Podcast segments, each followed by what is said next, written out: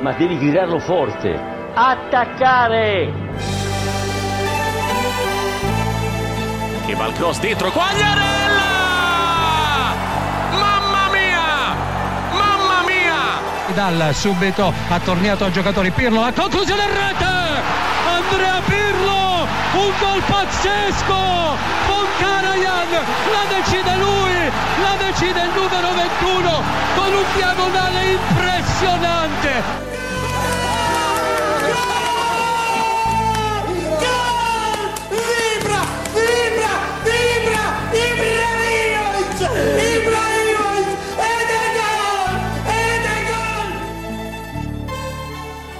Dinsdagmorgen, tien voor half tien. En we zitten er weer klaar voor. Eh, Wesley, Victor Mak en ik, eh, Willem Haak. Voor eh, het doormidden breken van de Italiaanse voetbalweek. Ja, dan wil je het eigenlijk hebben over het afgelopen speelweekend. Over wat andere soapjes, wat andere verhalen. Maar er is eigenlijk maar één ding waar we mee kunnen aftrappen, denk ik. En dat is de oprichting, of de aanstaande oprichting van de Super League. Ja, er kwam iets tussendoor zondag. Ja, de, de bom die eh, barstte eigenlijk, eigenlijk zondagmorgen al. Met het nieuws van eh, de New York Times, dacht ik. En eh, ja, naarmate de dag vorderde, kwam er steeds meer naar buiten. S'avonds uiteindelijk een statement. Hoe kijk jij er een beetje tegenaan? Ja, ik vind het heel lastig om, eh, om in te schatten. Ik denk dat er voor beide kanten valt natuurlijk iets te zeggen. Alleen het probleem is natuurlijk ook dat er gewoon heel weinig duidelijk is over hoe eh, het gaat gaan. Wat de gevolgen zijn, wat de UEFA, wat de FIFA gaat doen, wat de bonden gaan doen. Eh, het enige wat er nu duidelijk is, is dat ja, er komt een Super League. Of er zijn in ieder geval twaalf ploegen die voorstander zijn van de Super League. En dat zijn natuurlijk ook de meest machtige ploegen in, eh, in de wereld, in Europa. Even o- het opzetje uitleggen, Ja, denk dus ik. er zijn eh, op dit moment zijn er twaalf founding clubs. waaronder zes Engelse ploegen. Dus dat zijn Arsenal, Tottenham, Chelsea, de Manchester ploegen en, en Liverpool. En dan heb je vanuit Spanje Atletico, Barcelona, Real Madrid. En vanuit Italië Juventus, Milan en Inter.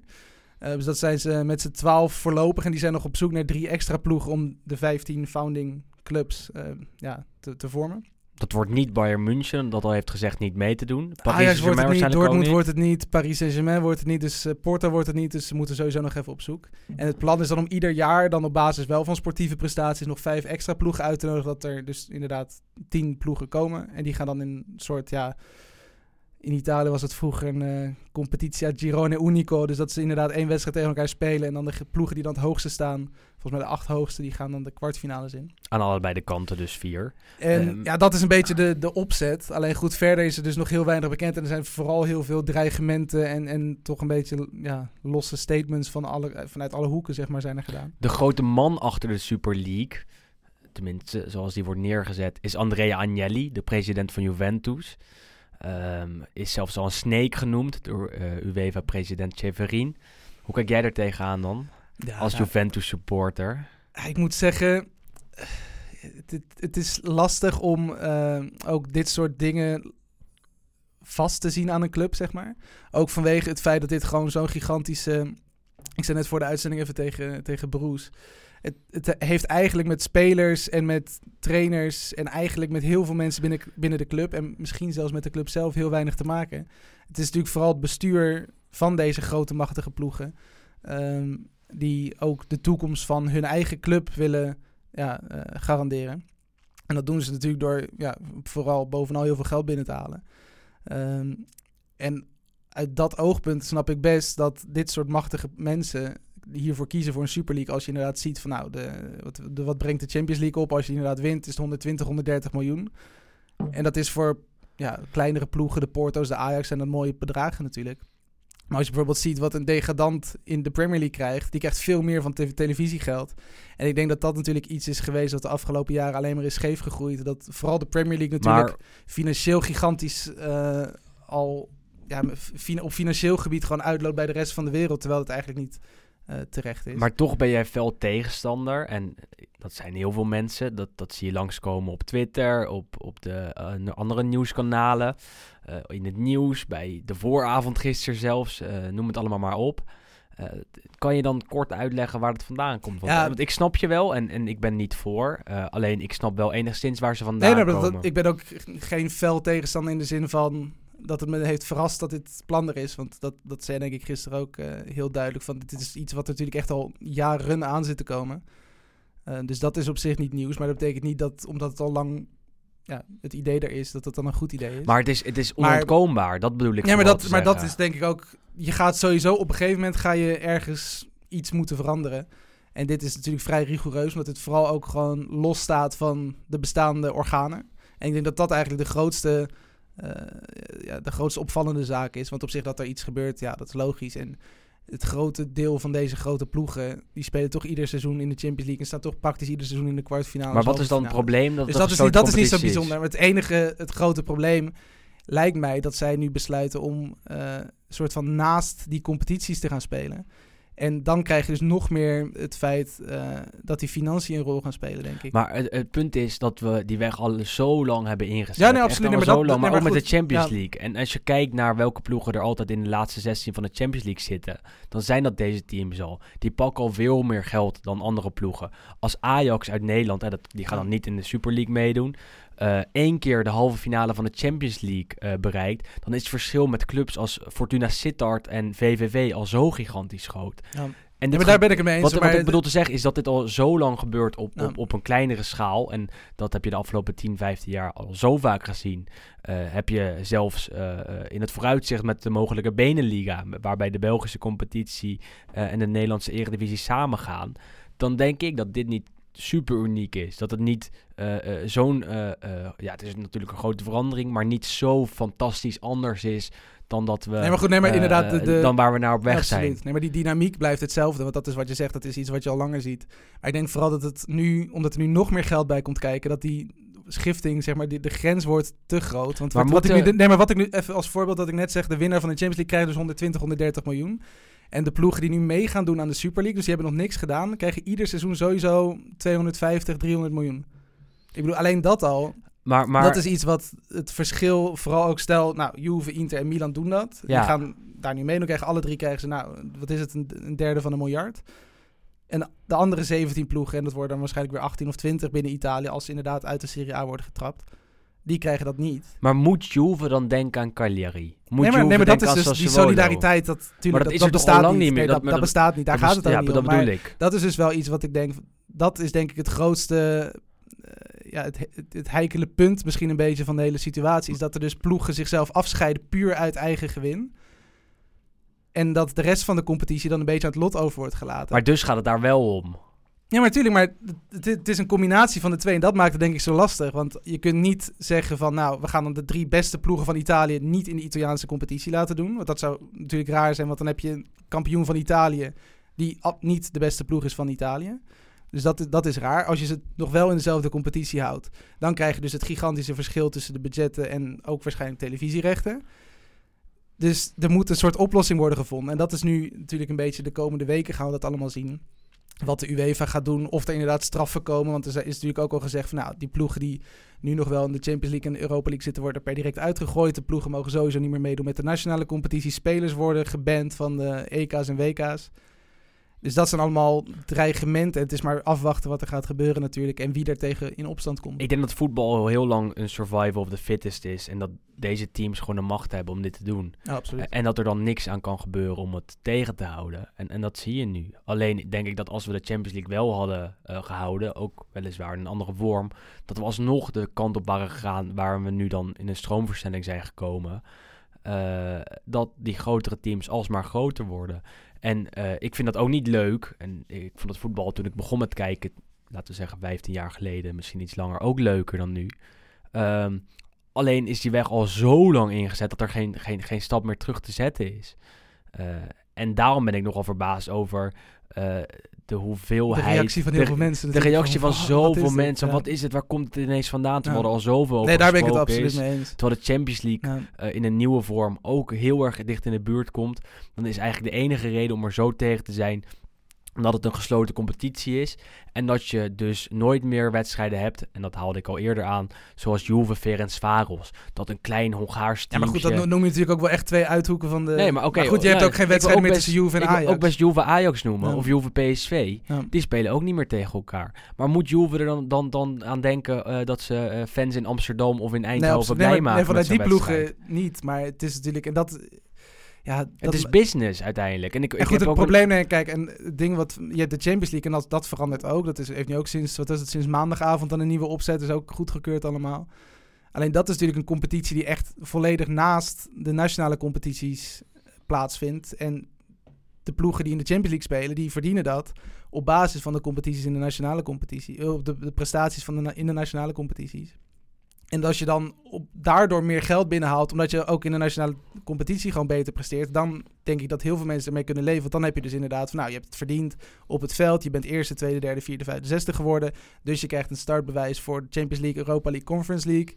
En wat je daaruit ophaalt en hoe goed je daar presteert, dat ja, bepaalt dan hoeveel geld je binnenhaalt. En dat is denk ik ook gewoon de manier waarop het hoort. En nu gaan ze natuurlijk een nieuwe competitie doen die en ja, of niet, wel of niet vasthangt aan de nationale competities. Waarschijnlijk niet. Plus, het is een, inderdaad een grotendeels gesloten competitie. Dus ook al presteert Juventus of een Milan of een Inter of een Arsenal of weet ik veel wie... verliezen die alle 20 wedstrijden daar, of weet ik veel hoeveel er zijn... die krijgen nog steeds het jaar da- daarop ook een uitnodiging. die vraag kregen En dat we is, natuurlijk een beetje, loont- dat is natuurlijk een beetje het rare, dat hele meritocratie, zeg maar, zoals het loont goed heet. beleid nog? Dat, dat Nee, ja. is dus, het antwoord Nee. daarop is bijna nee. Alleen, eh, op dit moment is dat ook niet het geval. Want als je even... Hè, we zijn toch een podcast over Italiaans voetbal. Nu zijn we de hele tijd over de Super League aan het praten. Dus laten we vooral even de Italiaanse teams uitlichten. En de, het Italiaanse competitieorgaan.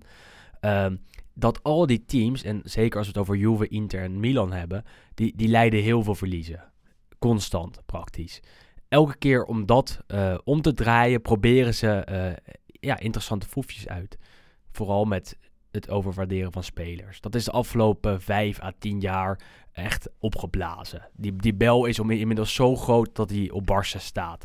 Spelers die worden soms zo erg overgewaardeerd dat Mandragora, die eh, eigenlijk bijna nog nooit een wedstrijd voor Juve had gespeeld, uiteindelijk al Nee, twee keer twee keer verkocht is voor, voor 15 tot 20 miljoen. Ja, waar komt dat helemaal vandaan?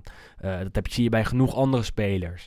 Eh, alleen daar is minder aandacht voor. Ik denk dat als, als je daar naar kijkt, als de, de mondiale pers daar op inzoomt, dat je bijna net zulke reacties eh, eh, gaat krijgen. Dat het hele voetbalorgaan eh, gewoon niet meer klopt. En, ja, dan, dan, dan denk ik dat, dat er best wat mag gebeuren om het iets duurzamer te maken. En misschien Ja, is goed, dit het wel. dit, dit is dan toch juist het tegenovergestelde, denk ik, van duurzaam. Nee, dat weet ik niet. Ja, het is, het is, het is niet solidair in ieder geval. Nee, Eh, dat, dat lijkt me heel erg duidelijk. ja. Maar ik bedoel, met het te- ja, tegenovergestelde van duurzaam bedoel ik van dit is natuurlijk iets anders. Want nu beloon je die ploegen, ook die dus slecht beleid leiden.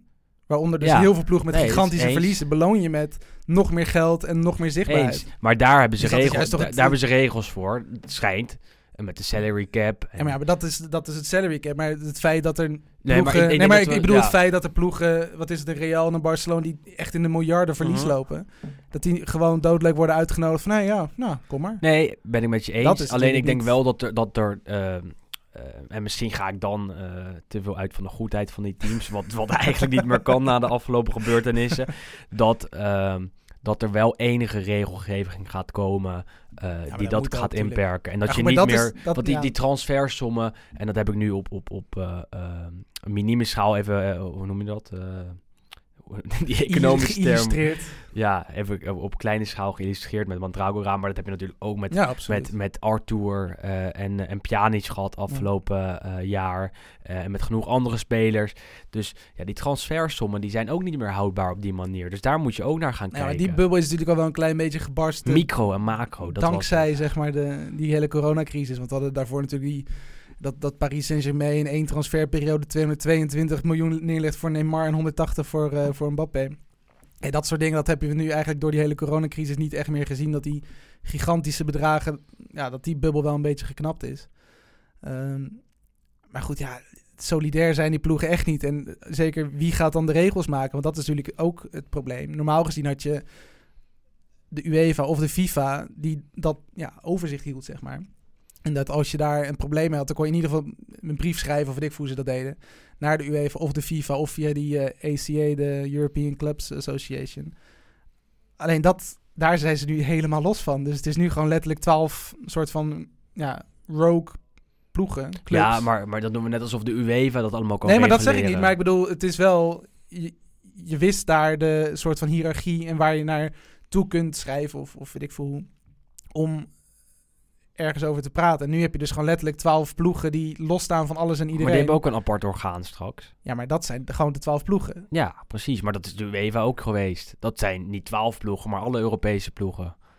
Ja, ik ja, maar, nee, dat het zo nee, maar, anders nee, is. maar het is ook niet dat de UEFA nu opeens eh, goed is. Want Nee, ik denk want dat de UEFA ook dat, heel dat was mijn volgende punt inderdaad. de, UEFA heeft dit al jaren in de kaarten gespeeld. Het begon natuurlijk, Natuurlijk. al eh, jaren geleden, maar ook, ook, ook vijf jaar ongeveer terug, of eh, iets minder lang, dat er uit de toplanden vier Mm. teams mogen meedoen aan de Champions League. Toen ben je de weg al lang en breed ingeslagen. Toen Ja, heb je al gezwicht voor het grote geld, toen heb je al gezwicht voor de grote ploegen. Ehm, eh, daardoor is Inter er bovenop gekomen. Laten we eerlijk zijn. Daardoor kan Inter nu dit jaar meestrijden om de titel. Omdat ze die gelden van de Champions League destijds hebben eh, binnengekregen. Omdat ze twee keer vierde zijn geworden in Italië. Vierde, wat een plek is waar je normaal niet blij mee bent als een, als een topclub in Italië. Tegenwoordig wel. Zo heb je genoeg voorbeelden. Milan, als ze, hè, stel dit was allemaal niet gebeurd, als ze zich hadden gekwalificeerd voor de Champions League, Ja. dan, dan waren ze daardoor eh, de goede weg ingeslagen. Ehm, dus ze hebben het al allemaal in de kaart Nee, gespeeld. tuurlijk. En daarom ben ik zo niet verrast over het eh, organiseren van de Super League. Waar ik net over lees dat eh, Napoli volgens de Corriere dello Sport er ook voor is gevraagd. Door JP Morgan, de bank die erachter zit. Eh, nou ja, zou interessant zijn. Eh, ik, heb een, ik heb gisteren namelijk eh, een grote lange discussie gevoerd met een vriend van me, die fan is van Napoli, die ken je ook. En nou ja, over, over de competitie. En, wij staan er natuurlijk anders in, want Inter doet wel mee. En, en Napoli nog niet. Napoli nog niet. Ehm, Ja. ik, ik, ik ben benieuwd of, of dat standpunt dan verandert. Ehm, en, en laten we vooropstellen dat ik niet me laat beïnvloeden door het Inter er wel aan mee kan doen en andere teams niet. Ehm, maar ja, het speelt natuurlijk wel een beetje mee. Want ik kan me voorstellen dat als je er net buiten valt, als je Ajaxiet bent, Napoli-fan, Romanista, eh, fan van FC Porto, Sevilla, Nou. eh, noem het allemaal maar op, dat jij je toch een beetje gepiepeld voelt. Omdat je, ja, je hikt tegen de Europese elite aan. Ehm, eh, ja, dat, dat goed, zeker. Alleen je komt ja. er nu niet meer bij. Ik, ik, weet, ik, ik weet niet hoe rauwig dat soort teams zijn. Want aan de andere kant, je ziet hoe groot de backlash is. En hoe groot de... eh, ja, haat misschien niet, maar de directe protesten die eigenlijk overal gelijk opduiken. Ook vooral bij fans. Denk Ja. ik dat, ook als je de reacties ziet, bijvoorbeeld gisteren op het bericht dat Ajax niet meedoet. Echt letterlijk binnen een uur meer dan duizend retweets, 10.000 likes. Iedereen die reageert van nou, goede, goede actie, goed standpunt. En ik denk echt wel dat... Ja, maar goed, en dat is natuurlijk ook... Ja, ja ik vind dat... Ik het, vind het dat, is heel lastig en, en, en dat is ook zeker geen reden om iets wel of niet te doen wat iemand anders ervan vindt. Maar ik denk dat... Ja, wel wat de fans ervan vinden. ja, dat is natuurlijk wel dat een wel. reden. Want ik denk wel echt dat, nou... Niet generaliseren, maar ik denk toch dat 90% van de fans... Ja, zeg 80% als we dan inderdaad de fans van de ploegen die wel meedoen... eraf halen. Ik denk dat eigenlijk iedereen die niet meedoet... is ook gewoon tegen de, die komst van die Super League. En ik denk zelfs dat heel veel fans van de teams die in de Super League gaan zitten... ook gewoon tegen zijn. Want Ik het- denk- het, het, want, en dat is hetgene wat mij het meest tegen de boor- borst stuit... is dat dit waarschijnlijk ook gewoon dus de nationale competities... ja, de nek Op omdraait. microniveau dus. Dat wordt Ja, dat is toch zonde? Ik bedoel... Helemaal eens. Alleen denk ik dat het uiteindelijk eh, toch draait om topvoetbal. En dat mensen topvoetbal willen zien. Ehm, en dat je dat met de Super League Ja. meer krijgt. En als je nu kijkt hè, naar, naar het voetbal dat nu ook wordt uitgezonden in Nederland. Maar ook in andere landen natuurlijk. Er is zoveel aanbod. Eh, er- zijn zoveel wedstrijden. Je kan om de drie dagen naar Barcelona kijken. Om de eh, drie dagen naar Real. Eh, de Premier League heb je ook vaak midweeks. Dan heb je weer de Champions League, Europa League. Het is wel heel veel. Ik denk dat als je gaat concentreren op, op het absolute topvoetbal. En dat merk probeert neer te zetten op een of andere manier. Ik weet niet of het dan minder wedstrijden worden. Eh, dat dat interessanter kan worden weer. Er is Ja, nu dat- een overload waardoor eh, je merkt, en, en dat merk ik bij mezelf, maar ik denk ook wel in de kijkcijfers, tenminste dat weet ik eigenlijk zeker, eh, dat mensen toch iets minder interessant zijn gaan vinden. Ja, ik En- denk en- ook gewoon het ja. grote verschil is dat er ook gewoon nieuwe generaties voetbalkijkers zijn. Want dat was gisteren bij eh, El Chiringuito. Mooi, ja. natuurlijk die mooie Spaanse sensatieshow El is. eh, de la Superliga. Waar, eh, Florentino Perez... Dat filmpje is zo, Ja. die presentator Dat is ook echt een heel erg goed. ja, hij is echt een bizarre man. Maar goed, die ehm, Florentino Perez dat daar dus de voorzitter en van Real en van de Super League. Er is nog één, eh, treedje hoger dan Agnelli in de Super League hiërarchie. Uh, maar die zei daar inderdaad van... Er zijn twee verschillende soorten fans. En we merken vooral bij de nieuwe generatie... dat die het, die connectie een beetje met het voetbal verliezen. En dat wedstrijden misschien Eh, zelfs eh, te lang zijn. Dat daarover na moet worden gedacht. Dat, heeft dat, Agnelli ook gezegd. dat Ze soort- zijn het compleet dat- met elkaar en dat die nieuwe generatie fans ook vooral is gericht natuurlijk en op clubnamen en op sterspelers. Dus eigenlijk vooral heel erg veel op de status in plaats van op de romantiek. En dat is natuurlijk iets wat ja, wij misschien als laatste generatie ongeveer wel nog hebben. Dat wij ook het mooi vinden misschien als een Ferenc Varos, ik noem maar even wat, omdat, om- omdat je die eh, graag noemt. Als die ver zouden komen in Europa. Dat is een- voetbalsprookje wat we natuurlijk met Ajax in iets mindere mate, maar bijvoorbeeld Atalanta natuurlijk hebben gehad. Dat die dan opeens in de kwartfinale van de Champions League staan. En dat soort dingen ga je nu dus niet meer krijgen. Allemaal schitterend, maar dat boeit die club nee, maar dat niet. zeg ik. En dat, En dat boeit, bedoel ik. En dat is dus ook hetgene dat boeit waarschijnlijk... ja, dat weet ik ook wel zeker. De, de nieuwe generatie voetbalfans. De mensen die nu... Ja, de, de, panna's en de trucjes op TikTok onder een mooi viral video geluidje Maar je, hoort- je, hoort, bekijken. je hoort ons toch ook niet over de Champions League? Die werd toch ook opgericht voordat wij geboren werden in, in 1992. Toen veranderden er toch ook een aantal dingen. Je hoort dus ook niet over de Premier League, waardoor het hele voetbal is veranderd in Engeland. Waardoor ze nu de meest eh, eh, commerciële competitie van Europa hebben. Ik denk dat dit gewoon een verandering is die erbij hoort bij het voetbal. Ja, maar, Eh, het betekent ja. niet dat je het moet supporten. Eh, maar ik denk wel dat, dat het goed is dat er op een of andere manier iets verandert. Hoeft Ja, niet, dat hoeft niet dat de Super. League te zijn. Dat is nu met de Super League zo, dus er gaat wat gebeuren. Ehm, logisch dat eh, mensen boos zijn, dat heb je altijd bij, bij veranderingen. En zeker bij zulke grote veranderingen. Ehm, en wanneer dat ook was, was vroeger. Juriaan van Wessem die heeft er een kolompje over eh, opgenomen. En eh, daar speelt ook eh, een Agnelli de hoofdrol in. En good old Silvio Berlusconi. Juriaan, de podium is voor jou.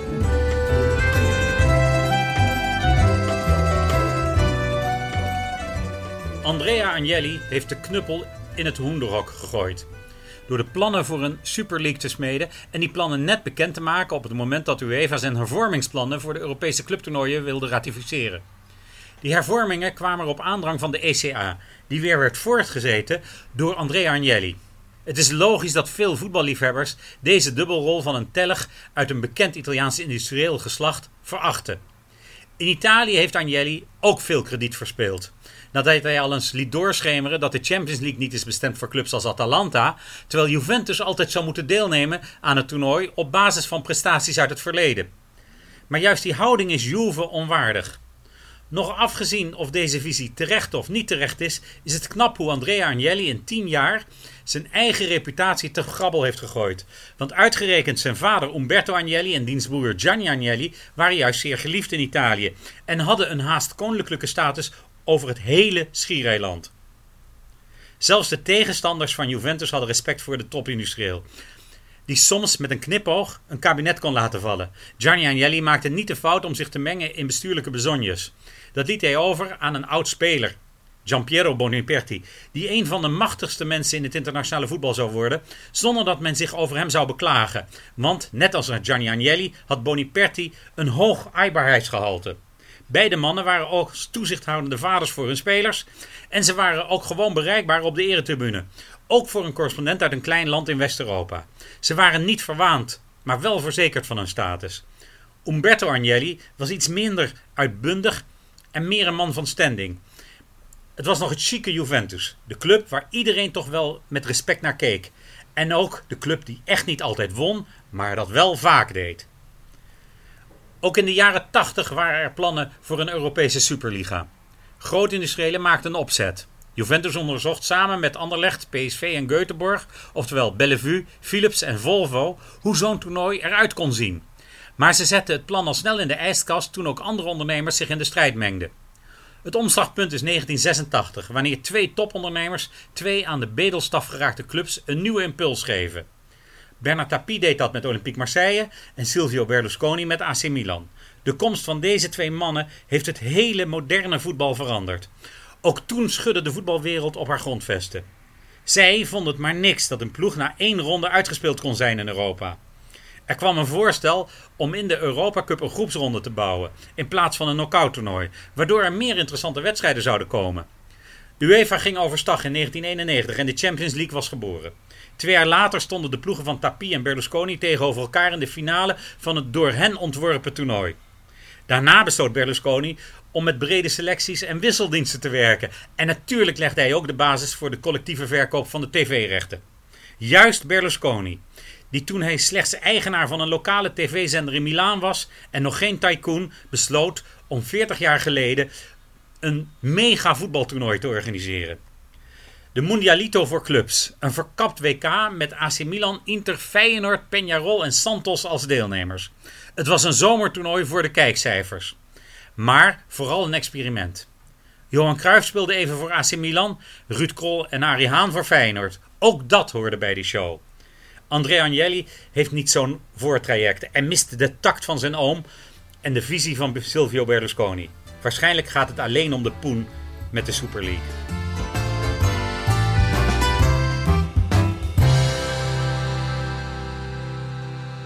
Juve natuurlijk altijd geïnteresseerd in eh, het commerciële gedeelte van het voetbal. Milan was dat ooit ook. Nou, nu weer. Want eh, ondanks dat ze al eh, sinds 2014 geen Champions League voetbal meer hebben gespeeld, mogen ze meedoen aan de Super League. Ja, daar hebben we het nog niet eens over gehad. Dat teams zoals Roma en Napoli, en Napoli hebben we net dan wel even genoemd, zich toch echt genaaid mogen voelen. En hetzelfde geldt voor Atalanta. Ja, het, eh, lijkt vooral inderdaad dat ze gewoon hebben gedacht van... Hey, we, ja, we zoeken twaalf ploegen. Welke ploegen hebben historisch gezien de meeste Champions Leagues gewonnen? Of welke ploegen zijn het grootst en hebben de meeste omzet en hebben de, meest, Dat is het denk de ik meeste vooral. waarde? Ik denk dat ze gewoon die lijstjes naast elkaar hebben gelegd en dan komen deze twaalf eruit. Zo simpel is het. En, en ja, bij, bij Milan en bij een Arsenal en bij een Spurs, dan denk je toch van ja, een Super League... Ja, maar als, je, als ze er niet bij hadden gezeten, hadden we dat ook gedacht, denk ik. Ja, dat denk ik niet, maar het is ook gewoon... Voor, ja, het is, ja geen, we moeten er ook niet te lang over nee, we doorgaan. gaan, zo, maar we gaan even over de er serie is, er is genoeg, eh, genoeg andere dingen ook nog wel te en, er, en het maar- punt is, hè, er praten heel veel mensen over de Super League. Wat maakt onze mening Nee, nog uit? absoluut. Ja, maar dat goed, is ook echt zo. het laatste wat ik erover wil zeggen is dat het zonde zou zijn... en dat is natuurlijk het verschil wel met een Champions League... is dat een Champions League was ernaast en dit is er zeg maar over. De nationale competitie. Ja, ik snap wat je en bedoelt. dat vind, maar ik, dat vind ik zonde. ik vind dat dus wel meevallen. Maar goed, dat hebben we net al eh, 20 minuten besproken. er werd ondertussen ook gewoon gevoetbald in de Serie A. En dat was eigenlijk voor de Super League storm. Ehm, beginnen bij het begin, denk ik. Gewoon even die potjes snel langs. Niet te lang. Half uurtje of zo. Jij moet kwart over tien ook weg. Het is al eh, kwart voor tien inmiddels. Hans Otte hebben we straks ook trouwens nog. Sluit de podcast van vandaag af met een eh, ja, klein kijkje op de degradatiestrijd in eh, Italië. Gaan wij ook al even naar kijken. Een paar potjes eruit lichten. Ik denk dat we ze gewoon even allemaal eh, langs gaan. Sampdoria 3-1 Hellas. Mag ik eigenlijk niet zeggen. Sampdoria 3-1 Verona. Ehm, ja, echt een wedstrijd in de middenmoot, denk ik. Doet er niet per se toe. Laten we daar niet over praten. Crotone 1-2 Udinese. En, en dat is wel interessant, want daar was één eh, ja, duidelijke man van de wedstrijd. Rodrigo de Paul. Ja, ja goede speler. We hebben hem vorige week benoemd van... ik denk dat hij voor iedere topploeg binnen Italië... het geschikt is. zien? En zeker voor Inter. Ja, Dat is denk ik de ploeg waar hij letterlijk op dit moment gewoon... Je kunt hem uit Udinese pakken en je zet hem neer in Inter en dat werkt. ja Denk dat denk ik ook. Ja, ja. Ehm, Echt een goede goal. Vooral de tweede vond ik. Nou, de eerste trouwens ook. Maar de, de tweede eh, gewoon heel intelligent, rustig in het hoekje geplaatst. Hij pakte ook nog een rode kaart. Met een soort karate-trap. ja, dat heeft hij ook over zich. ja, maar eh, ja, ik moet, het is natuurlijk wel ja, de typische heetgebakerde Argentijn. Maar ik moet zeggen, het is niet iemand die echt gemeen is doorgaans. Nee, dit, dit maar was natuurlijk een hele... sto- ja, Wel meerdere rode kaarten al gepakt Ja. dit seizoen. Ehm, dus hij heeft wel wat doms over zich. En af en toe heeft hij dan weer een, of een harde tackle. Of hij praat tegen de scheidsrechter. Ja. Of hij heeft zo'n moment als dit. Vergelijkbaar met eh, Müller tegen Ajax in de Champions. League destijds. Wat zei je? tegen Weber was dat toch? Ja, ja, ja eh, tegen eh, oeh, Weber, dacht ik. Ja, ja, ja. Nee, Nee, Weber- pakte rood. rood, ja, ja. tegen, tegen Tagliafico. Eh, echt, echt heel erg vergelijkbaar. Nou, eh, de Rodrigo eh, de Paul kreeg het rood. Ja, het werd toch 1-2. Het doelpunt aan de andere kant van onze goede vriend Simi. Die niet normaal in vorm is. Meer heeft gescoord eh, dan welke spits dan ook in de Europese topcompetities in 2021.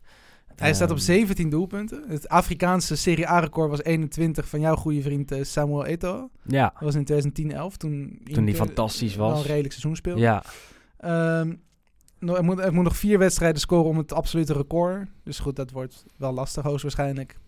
Dat is dat record van eh, Batistuta. Wat, eh wat was het, twee seizoenen geleden werd ingehaald door Quagliarella en Ronaldo.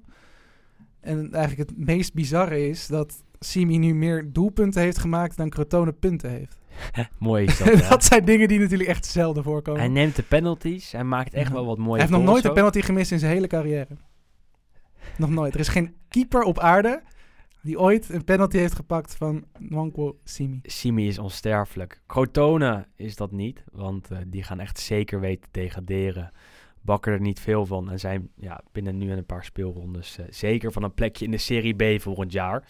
Wie ook moet vrezen voor een plekje in de Serie B is eh, Fiorentina. Kwam nog wel op 0-1 voor bij Sassuolo. Maar het was niet genoeg, want uiteindelijk werd het 3-1 voor de Nero Verdi, die thuis speelde en waar Domenico Berardi twee penalties mocht nemen in een heel kort tijdsbestek. Ehm, 3 minuten en 39 seconden tussen twee penalties. geen record zag ik, want ooit Nee. heeft Roberto Baggio er twee mogen nemen in, in twee minuten. Of in één minuut bijna. Toen er een penalty werd genomen, die werd gemist. Maar in de rebound werd iemand geduwd. Mocht Baggio weer aanleggen. En die scoorde die wel. Montella heeft het ook ooit nog een keer gedaan, zag ik. En, en dit jaar ook bij Feyenoord is het volgens mij ergens gebeurd. In de eredivisie, dat er direct een penalty achteraan kwam. Ehm, ja, terug naar de Serie A, want eh, Fiorentina moet echt gaan vrezen voor, ja, voor degradatie, denk ik. Want Ja, die het zakken toch wel goed. flink af. Staan nu op gelijke hoogte met Benevento en Torino. Terwijl Torino ook nog een wedstrijd te goed heeft. Dus het is daar weer voor het, wat is het, derde seizoen op rij dat die echt tegen de degradatie aanschurken. Het gaat niet goed, hè. Nee. Het gaat niet goed. Maar goed, ja, dat zeggen we eigenlijk ook al drie jaar. Dus Ja, maar ik wil het zo vaak benadrukken. Ja, eigenlijk, het is een prachtige club. En we, we zijn er allebei vaak geweest. We zijn allebei vaak in Florence geweest. We hebben allebei op die tribunes daar gezeten.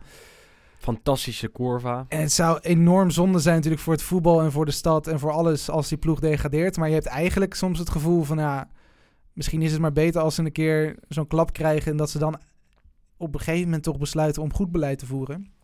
En, en ja, dat, er moet echt iets gebeuren. Er moet ja, iets heftigs gebeuren voor verandering. Dat is natuurlijk niet alleen het voetbal, maar dat werkt eigenlijk overal. Je gaat pas veranderen als je de pijn voelt. Ze hebben Kokorin en Malqui gehaald in de Ja. winter. Ja, dat, dat dat, is- dat, dat dat is zegt genoeg. Ehm, en dan heb je de Amerikaanse eigenaar, niet te lang over, want dat hebben we al vaker gezegd, Rocco Comiso, die al vaak zijn ambitie heeft uitgesproken, maar ondertussen zich nog steeds niet heeft ontdaan van de technisch directeur, Daniele Prade. Ehm, zeg je dat zo? Prade, denk ik wel. hè? Prade, ja. Mijn Italiaans is wel aan het wegzakken. Weet je wat het, omdat je dus eh, eh, in je... we mogen er niet meer naartoe. Ik Nee, bedoel, in zo'n jaar ja. kom je niet meer in Italië. Ik praat het letterlijk nooit, behalve hier af en toe een woordje in de podcast. Eh, ik lees het af en toe op Twitter of een krantenartikel. Maar daardoor kom je af en toe met, met namen. Die, oh, hoe spreek ik Ja, die ook weer uit? Mm. Ik had het vorige week met Davide Nicola. Davide, Davide. ik, ja, het wordt weer Nicola. tijd om, Ja. tijd om weer een keer Tijd naar Italië te te gaan. gaan. Toch moeilijk vind ik dat hoor. Maar goed, ehm, eh, wat was het? Pra- Prade? die, dat is de technische, technische man daar. Is de Ja. opvolger van uh, Pantaleo Corvino. Eh, Die bakte er ook al niks van. En eh, dan denk ik, ja, zet dan iemand er neer die het kan neerzetten. Haal desnoods Walter Sabatini eh, naar Florence. Als je zulke ambities hebt. eh, hebt. Ehm, je hebt eh, eh, Petraki. Ja, Die bij, bij Roma heeft. Het mensen zijn die genoeg mensen. beschikbaar zijn ook. Maar ja, dit, dit- ja, wat ik zeg, het is misschien beter als ze een keer afzakken dat ze, dat ze leren. Maar Als jij als toch goede een speler- een hart, Stel, je een bent een goede speler. Je speelt bij eh, Verona, bij Sampdoria, bij Bologna, bij eh, een Nederlandse subtopper, bij een Belgische subtopper. Fiorentina komt. Nou, dan twijfel je er altijd over. Omdat Fiorentina een hartstikke mooie club is. Mooie Ja. fans, mooi stadion, mooie stad. Eh, de ambitie om, om Europees voetbal te spelen. Ehm, maar daar komen ze maar niet op, op zulke soort spelers. Ik En denk dat, ik vind denk echt dat frustrerend. Amrabat wel even achter zijn oren zou krabben. Die speelt Ja. natuurlijk vorig seizoen heel goed bij Verona. Verdiende een transfer naar Fiorentina. Getrapt in de praatjes Ja, uiteindelijk. dat is toch? toch wel, want hij speelt nu degradatievoetbal bij Fiorentina. Terwijl, nou goed, toch even terug op die Super League. Mochten Juve en Milan en Inter eruit worden getrapt, of in ieder geval volgend seizoen die Champions League niet in mogen, dan speelt Verona gewoon Europees voetbal. En Ja. dan is hij met Fiorentina het hele seizoen bezig om niet te degraderen naar Maar- de Serie B. Hij was sowieso weggegaan. Dan nee, was hij dat deed goed, naar daar gaat het niet om, maar ik bedoel, Nee, precies, ja. Het, het, het geeft ook wel aan hoe ver Fiorentina is afgezakt. Dat een promovendus van, wat is het, twee jaar geleden, Verona, nu gewoon letterlijk meer dan 15 punten boven ze staat. En de rol van Fiorentina vervult. En, en dat, is, dat Mm. is echt fru- frustrerend en eh, ja, meer dan verontrustend. Eh Sassuolo won daar met 3-1. Eh, ja, die doen het prima, staan nu achtste. Beetje in niemands land eerlijk gezegd. Ehm, ja, wat wel mooi was, was eh Cagliari tegen Parma. Dat is misschien wel de wedstrijd van het weekend, toch? Absoluut, want er was een eh, andere wedstrijd tegelijkertijd. Volgens mij Barcelona, of Atletiek tegen Barcelona. Maar die begon iets later. Ja, begon iets Die later. maar dus was kwart voor negen en die ja. Copa del Rey finale was half tien. Ja, ja, maar de tweede helft was tegelijkertijd van Barça dus met... Nee, van ja, de... De, De ja, tweede helft van zoiets. Cagliari Par Ja. met de eerste helft van Barcelona. exact, ja, ja, ja, ja. en ehm, dus ik was Barça aan het kijken. Die eerste helft daar was nogal saai. Dacht ik, ja, toch maar even Cagliari aanzetten. Ja, je bent niet begonnen bij Cagliari Parma. Nee, ik heb het de laatste tijd toch een, een beetje moeite om zulke soort potjes aan te zetten, moet ik eerlijk Daar ga je. zeggen. Je bent ook de nieuwe generatie van. Ja, zo is het. Super League-achtig. Verschrikkelijk. nou, toch maar aangezet. En eh, je werd niet teleurgesteld. Zeker die slotfase was heerlijk. Ja. Nee, absoluut. Maar goed, en dat is natuurlijk ook weer ja, totaal het verhaal van Parma. Dat hij ook gewoon, als het goed gaat en ook vooral op het scorebord goed gaat, dat ze het alsnog niet over de streep kunnen trekken. Want ze staan eerst met 0-2 voor na een half uur. Nou, komt Cagliari terug, 1-2. Dan staan ze met 1-3 voor na een uur. Dan denk ik van, nou goed, dat mag je niet meer weggeven in een half Nee. uur. Dan vervolgens wordt het 2-3. Ras van Marine uit Ajax ziet. Dan denk ik van, nou goed, het wordt spannend. Maar dan gaat minuut 90 in. Dan sta je nog steeds met 3-2 voor. En ja, Gaston Pereiro Gaston Pereiro met een... eh, ja, hij schildert hem in de bovenhoek. heeft nog niks gepresteerd bij Cagliari. Nee, weinig. 3-3. En eh, dit was wel echt een prachtig doelpunt. En, en toen, na die 3-3, wilde Parma nog winnen, maar Cagliari ook. Dus Ja. het hele speelveld was zo groot. Parma nog een klein kansje. Werd gemist, omdat de bal niet werd voorgegeven op eh, onze grote Italiaanse vriend Pelle. En Graziano Pelle, op het Nederlands uitgesproken gewoon. En eh, in de tegenaanval, je voelt hem al aankomen. Voorzet van Pereiro. En de bal wordt inderdaad bij eh, de tweede paal ingekopt. Cherry. Cherry bakt er ook bijna Ook, niks ja. van. En eh, wel een grote spits. Was ook heel erg blij. Ging naar de camera en, en maakte zo'n Ja, mondgebaar. Jullie praten maar, jullie praten maar. Maar ondertussen doe ik het hier toch. Belangrijke overwinning voor Cagliari. Het eh, is een beetje zuurstof misschien voor ze. Ja. Ze staan nog steeds wel vijf punten onder de ja, ploegen daarboven onder de streep. Maar dit geeft ietsjes meer uitzicht op, eh, op meer. En voor Parma is het nu klaar. Voor Parma is klaar, ja. want die staan op 20 punten. Die staan 10 punten onder de streep met nog 7 wedstrijden te gaan. Eh, ze komen vaak voor, maar ze kunnen maar niet winnen. Dit seizoen pas op drie overwinningen. En dat is eh, het minste van alle teams in Ja. eh, de Serie A. Zelfs Crotone won nog vaker. Ja, het is vooral wat ik, wat ik net in het begin zeg. Ze hebben zo vaak ook gewoon wel voorgestaan. En zo vaak ook gewoon met een marge van twee of drie doelpunten. Eigen schuld. Ja, dan is het echt gewoon... Het is op een gegeven moment klaar. is het gewoon kwaliteit. En ja, het, het is jammer, want het is een prachtige club. En ik denk ook zeker dat ze wel weer snel terug zijn. Eh, ook getuigen de Amerikaanse eigenaar die echt wel van plan is om daar iets op te bouwen. Ondanks dat ze nu gaan degraderen. Want hij heeft al gezegd, stadionplannen. Komt een vernieuwd stadion of in ieder geval een gerenoveerd stadion. Het Ennio Tardini. Gaat sowieso gebeuren, ook al gaan we degraderen. Eh, dus dat zijn in ieder geval wel positieve vooruitzichten. Ehm, maar goed, ja, het is wel zonde om, om ze nu eigenlijk alweer te zien gaan. Want je had toch toen ze, wat was het, vorig seizoen promoveerden? Iets langer geleden. Nog een jaar geleden ervoor, ja. Ehm, ja, had je toch het gevoel dat ze weer terug waren om te blijven. Maar dat eh, ja, gaat niet lukken. Nee, dat gaat niet lukken. En eh, dus eh, heb je dan dat Cagliari op 25 staat. Net achter Benevento en Fiorentina. Benevento dat met 5-3 verloor van Lazio. Eh, spectaculaire wedstrijd. Was wel een verdiende nederlaag voor Benevento. Want Lazio stond de, de hele wedstrijd voor. Benevento dacht nog even gelijk te gaan maken. Lukt uiteindelijk niet. Eh 5-3 voor Lazio dus. Benevento ondertussen toch ook bezig aan een vrije val. Weliswaar gewonnen van eh, Juventus. In Turijn voor de rest bakken ze er eigenlijk helemaal niets van. Als je dan nu een derde degradant moet aanwijzen naast Crotone en Parma, Ja, ik zeg nog steeds wel Benevento. nog steeds wel. Benevento. Ja, dat zou denk ik ook wel eh, ja, verdiend zijn, wil ik het niet Nee, maar noemen, maar Het- het- echt heel leuk voetbal is het niet. Leuke spelers hebben ze eigenlijk ook niet echt. nee. Het- La Padula. ja, maar het is gewoon niet echt een... Ja, ik vind het echt gewoon meer een Serie B-ploeg. Ja, En ze doen er zelf ook wel alles aan. Want dat is natuurlijk ook wel weer mooi dat dat soort feitjes voorbij komen. Want Benevento staat op dit moment op zes eigen doelpunten. Waaronder die twee tegen, eh, tegen Lazio in die 5-3 nederlaag. En het is één keer eerder gebeurd dat er een ploeg zeven eigen doelpunten maakte in een heel seizoen. En dat was eh, Catania. Ja, En dat was mede dankzij vier eigen doelpunten in dezelfde wedstrijd tegen Inter. In het San Siro toen in 1961. omkoping.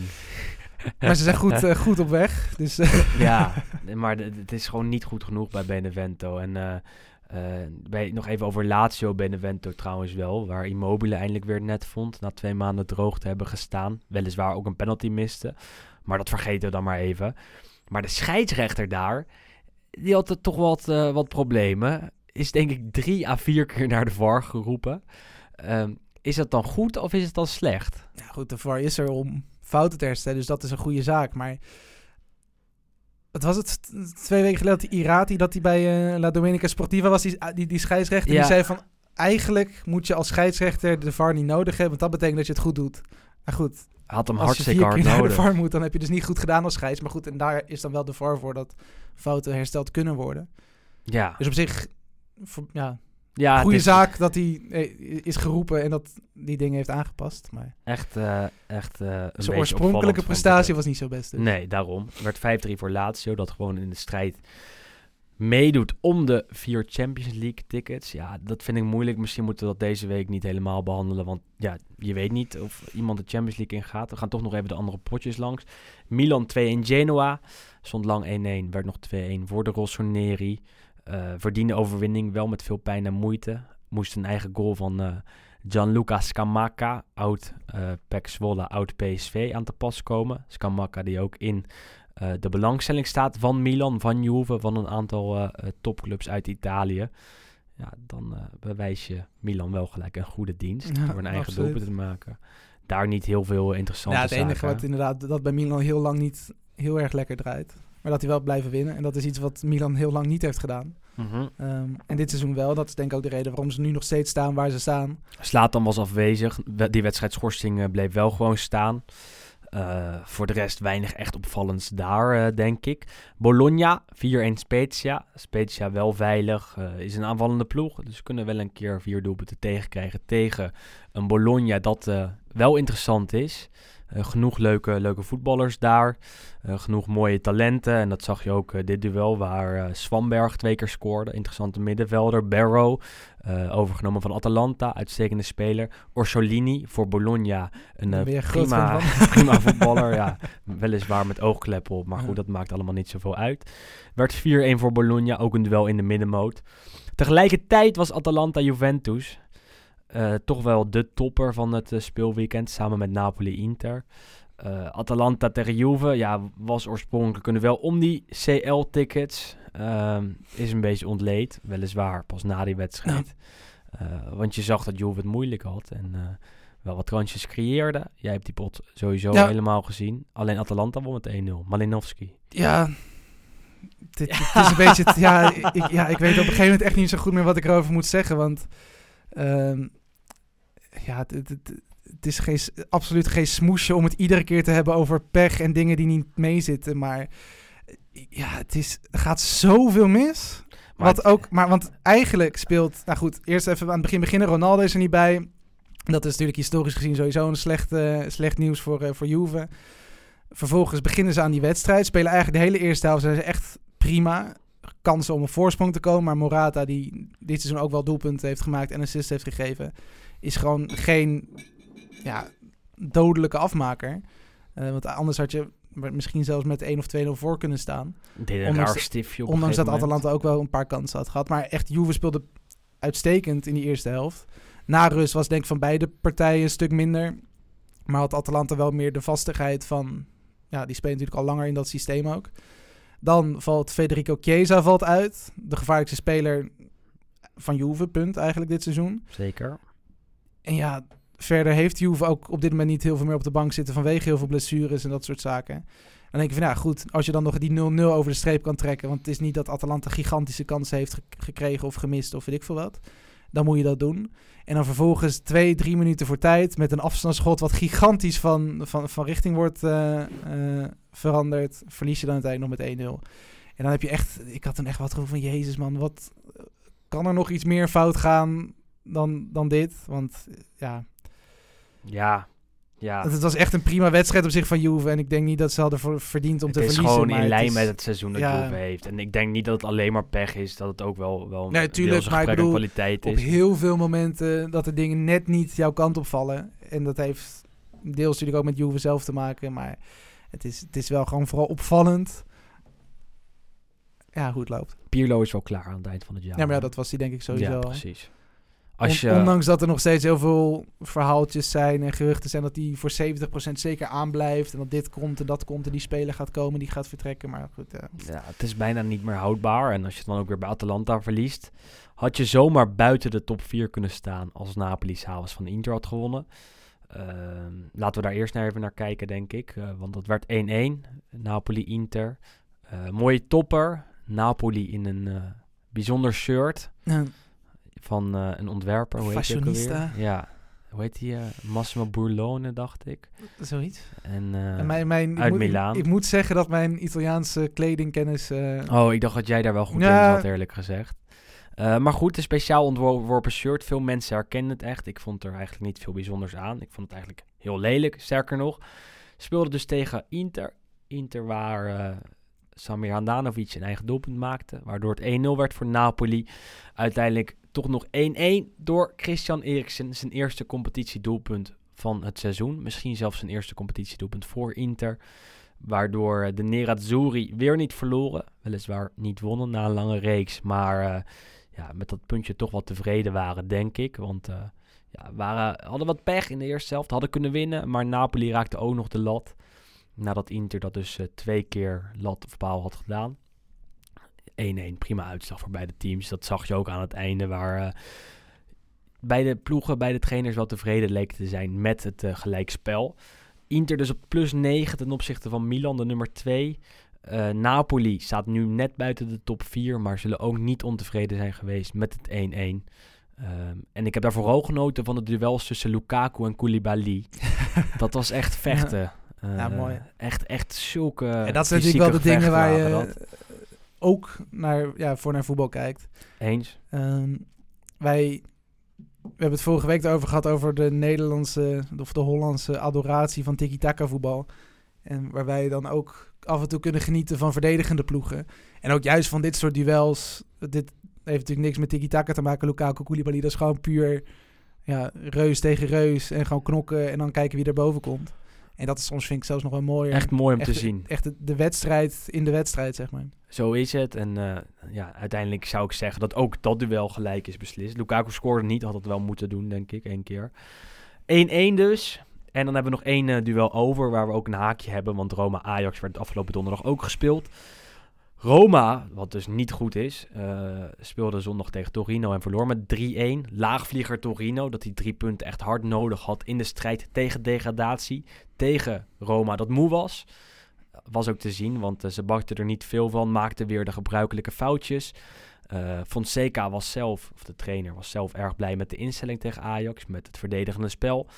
Dat konden ze niet herhalen tegen Torino. Want, dan eh, maakt het extra pijnlijk ja. voor Ajax. Dat, ja, je, dat je dan inderdaad twee wedstrijden niet wint van, van dit Roma. En dat je vervolgens dan de nummer 17 van de Serie A. Dat is ja, is misschien niet vrij vergelijkbaar. gemakkelijk. Maar, Maar, ik bedoel, ja, ja, het is eh, ja, toch wel opvallend. Roma was ook afgelopen donderdag niet fantastisch, vind ik. Eh, Nog één ding daarover. Want eh, als je in de 90ste minuut nog een counter kan incasseren als Italiaans team, terwijl het 1-1 staat en je door bent en het bij een 1-2 eh, verlengen wordt, dan ben je echt geen typisch Italiaans team. Want je zag volgens mij 92 minuut Tadic er nog langskomen eh op de linkerkant, terwijl Karsdorp net helemaal naar voren was gevlucht voor een counter. Toen dacht ik, ja, Ja, dit is, is, toch echt niet fantastisch. Maar ik denk dat Roma van de top 8 ook wel de minst Italiaanse ploeg is, zeg maar. Als je het op die manier moet Ja. omschrijven, toch? Zeker. En, en eh, wat eh, eh, een punt is dat Marco van Basten afgelopen zondag bij Rondo eh, maakte. daar was ik het wel 100% mee eens. dat Ajax ook gewoon niet zo goed is. Dat ze ook niet fantastische Ja, zeker in die wedstrijden. En dat is natuurlijk... We moeten daar ook niet te lang over Nee, hoeft ook Maar goed, niet, die mist natuurlijk ook wel een groot deel van de kern eigenlijk. Die mist Zeker. natuurlijk eigenlijk ook gewoon met, met, met Onana en met Blind. En Haller en dat duel dus ook. Ja, goed. En, ja, mis je gewoon de as van je elftal eigenlijk. Ja. Dus op zich dat het daar wat minder loopt. Kan je je voorstellen. Ja. Eh, precies. Maar goed, en Roma vond ik ook niet goed. Gaan wel door naar de halve finale tegen Voorlopig. Manchester United. maar wie ja, weet. voorlopig. Dus wie weet, dat horen we vrijdag. Misschien wordt het een, worden eh, een finale tegen Villarreal zonder de halve finale toe verspelen. En we hadden eh, best wel wat luisteraarsvragen, maar die gaan eigenlijk allemaal over de Super League. Volgens mij hebben we het meeste hebben we wel gedaan, toch? Ja. Nog even over Agnelli, want dat was eigenlijk waar je natuurlijk mee begon. En daar waren ook een paar vragen over van hoe kan het dat hij nu vooral de boeman is. Ja, Nou goed, dat lijkt me vrij duidelijk, omdat hij ook degene is die eigenlijk de laatste jaren het vaakst over die Super League heeft, eh, heeft gerept. En het is natuurlijk sowieso iemand die zowel binnen Nederland als binnen Italië vanwege zijn hele Juventus eh, ja, connectie niet heel erg populair is. nee, zo is Ehm, het. Hey, heb, En natuurlijk ook de manier van de, de gang van zaken waarop hij het heeft gedaan allemaal. Is natuurlijk ook niet helemaal netjes. heb jij een sponsor voor het vierde shirt van Inter al? Eh, nog niet? Nee. Jij Nou, wel? Nee, ik ga dat niet regelen. Jullie moeten het mij cadeau doen als luisteraars. Inter wordt kampioen, mijn feestje. het mooie is, eh, zeiden we dit nou aan het begin van de podcast of was dat de eerste take? Ik heb geen idee. Het, Wat het wil, AD wil je zeggen? Het, AD is hier. Het AD is hier Het zeker. AD is hier voor een item. heb je geen... En het grappige is dat dit een item is over het aanstaande kampioenschap van Inter. Dus als iemand het nog kan jinxen... Dan heb je dat nu zelf ik- gedaan. ik- dan, dan is dat nu gebeurd. maar kun je geen royalties vragen of zo? Voor, eh, Nee, ja. image rights? Hoe noemen ze dat in Napels ook alweer? een embargo nog op het, eh, op het filmpje. Maar eh, ja, dus dat vond ik wel, wel- bijna pijnlijk. Dat ik denk dat als Inter, want we hebben een doordeweekse speelronde, niet van Spezia wint uit. dan gaat het toch wel heel erg kriebelen. Ze kunnen het hebben over sponsors voor vierde shirt. Maar Ja. goed, dat, eh, dat is dan ook niet zo. Eh, wij gaan nog even voor dat item zitten zo meteen. Ehm, Ja, maar goed, wat je zegt, we hebben een midweekse speelronde. We beginnen vanavond alweer met Verona Fiorentina. Morgen hebben we zeven wedstrijden. Donderdag hebben we er nog twee. mooiste potjes zijn denk ik Roma, Atalanta en Napoli Lazio, allebei op donderdag. eens? Ja. Je kunt, eh, ja, zit, je gaat lekker zitten om half zeven. Zit je Serie A pas of, of Ziggo Sport, ik denk dat ze daar ook allebei wel komen. En je kunt eh, blijven zitten tot, tot 11 uur s avonds. Ziggo En nog Sport even genieten van hoe ja, de Serie A eruit ziet. Want wie weet is dit dus de laatste Zo seizoen in reguliere vorm. Ik denk dat dat ook wel mee gaat vallen. En dan hebben we aankomend weekend ook nog Lazio Milan, wat eh, best wel interessant is. En Fiorentina Juve, ook altijd interessant, zeker als er fans bij zijn. Maar goed, dat is nu dan niet het geval. Tot zover de aflevering van vandaag. Vergeet ons niet te recenseren op iTunes. Liefst met 5 sterren en een recensie. Eh, recensies worden altijd gewaardeerd. Leuke berichten eronder lezen we allemaal. Behandelen we niet telkens, maar worden zeker gelezen. Eh, laat vooral weten op Twitter, Facebook, Instagram wat je van de afgelopen aflevering vond. Of jij wel of niet voor de Super League bent. Of als je andere hints, tips, tricks en suggesties hebt, eh, zijn ze altijd welkom. Laat het ons eh, vooral weten. Of misschien dingen voor komend seizoen. We komen nog met die enquête. Dus eh, heeft iets vertraging opgelopen. Maar ook die zou het mooi zijn als jullie die invullen. En tot zover de aflevering van vandaag. Vooral in het teken van de Super League. Maar goed, dat is dan maar zo. We sluiten natuurlijk af met de column van Hans Otte. Niemand minder dan een voorzitter van de Nederlandse Genoa fanclub. En hij kijkt even naar de strijd tegen degradatie van de teams. En eh, ook namens hem, bedankt voor het luisteren en tot de volgende. Tot de volgende.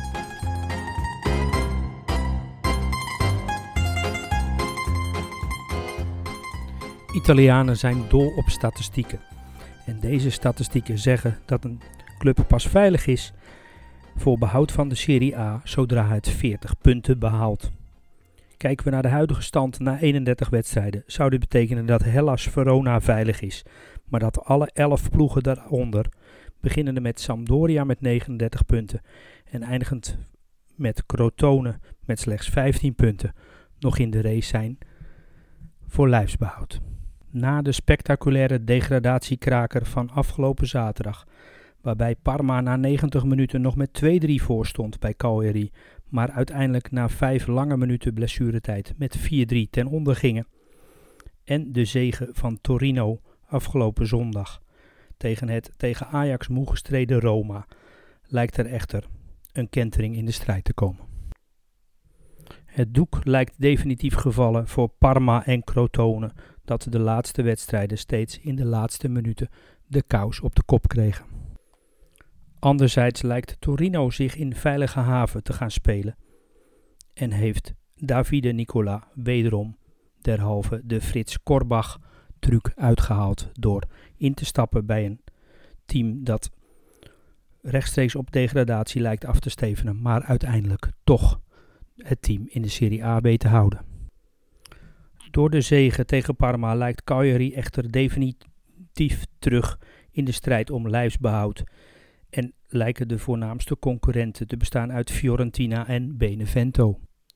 De tweede seizoenshelft is inmiddels 12 wedstrijden oud en in deze 12 partijen behaalde Cagliari 11 punten, Benevento slechts 8 en Fiorentina met 9 ook een uiterst schamel aantal. De derde en laatste degradatieplaats lijkt dan ook een strijd te worden tussen deze drie teams, waarbij Benevento de grootste kanshebber lijkt om af te reizen naar de Serie B, omdat het team de minste ervaring in de Serie A heeft en uit de laatste 12 wedstrijden weliswaar 8 punten haalde, maar drie daarvan werden cadeau gedaan door Juventus. Zonder deze hulp uit Turijn zou het er voor Benevento derhalve nog slechter uitzien dan nu al het geval is. Daarnaast hebben Cagliari en Fiorentina beide een team dat qua spelerspotentieel feitelijk om Europees voetbal zou moeten strijden in plaats van tegen degradatie. Aanstaande dinsdag en woensdag spelen alle drie de teams een uitwedstrijd. Fiorentina gaat op bezoek bij Verona, Benevento bij Genoa en Cagliari speelt tegen Udinese, alwaar Rodrigo de Paul vanwege zijn rode kaart tegen Crotone afgelopen zaterdag ontbreekt. Dit laatste scheelt, zoals we allemaal weten, een behoorlijke slok op een borrel. Bovendien staan er nog twee onderlinge duels tussen deze drie teams op het programma. In het weekend van 8 9 mei speelt Benevento thuis tegen Cagliari en de daaropvolgende woensdag 12 mei ontvangt Cagliari Fiorentina. We gaan zien de komende weken hoe zich dit ontwikkelt en wie er na Parma en Crotone nog meer afdaalt naar de Serie B.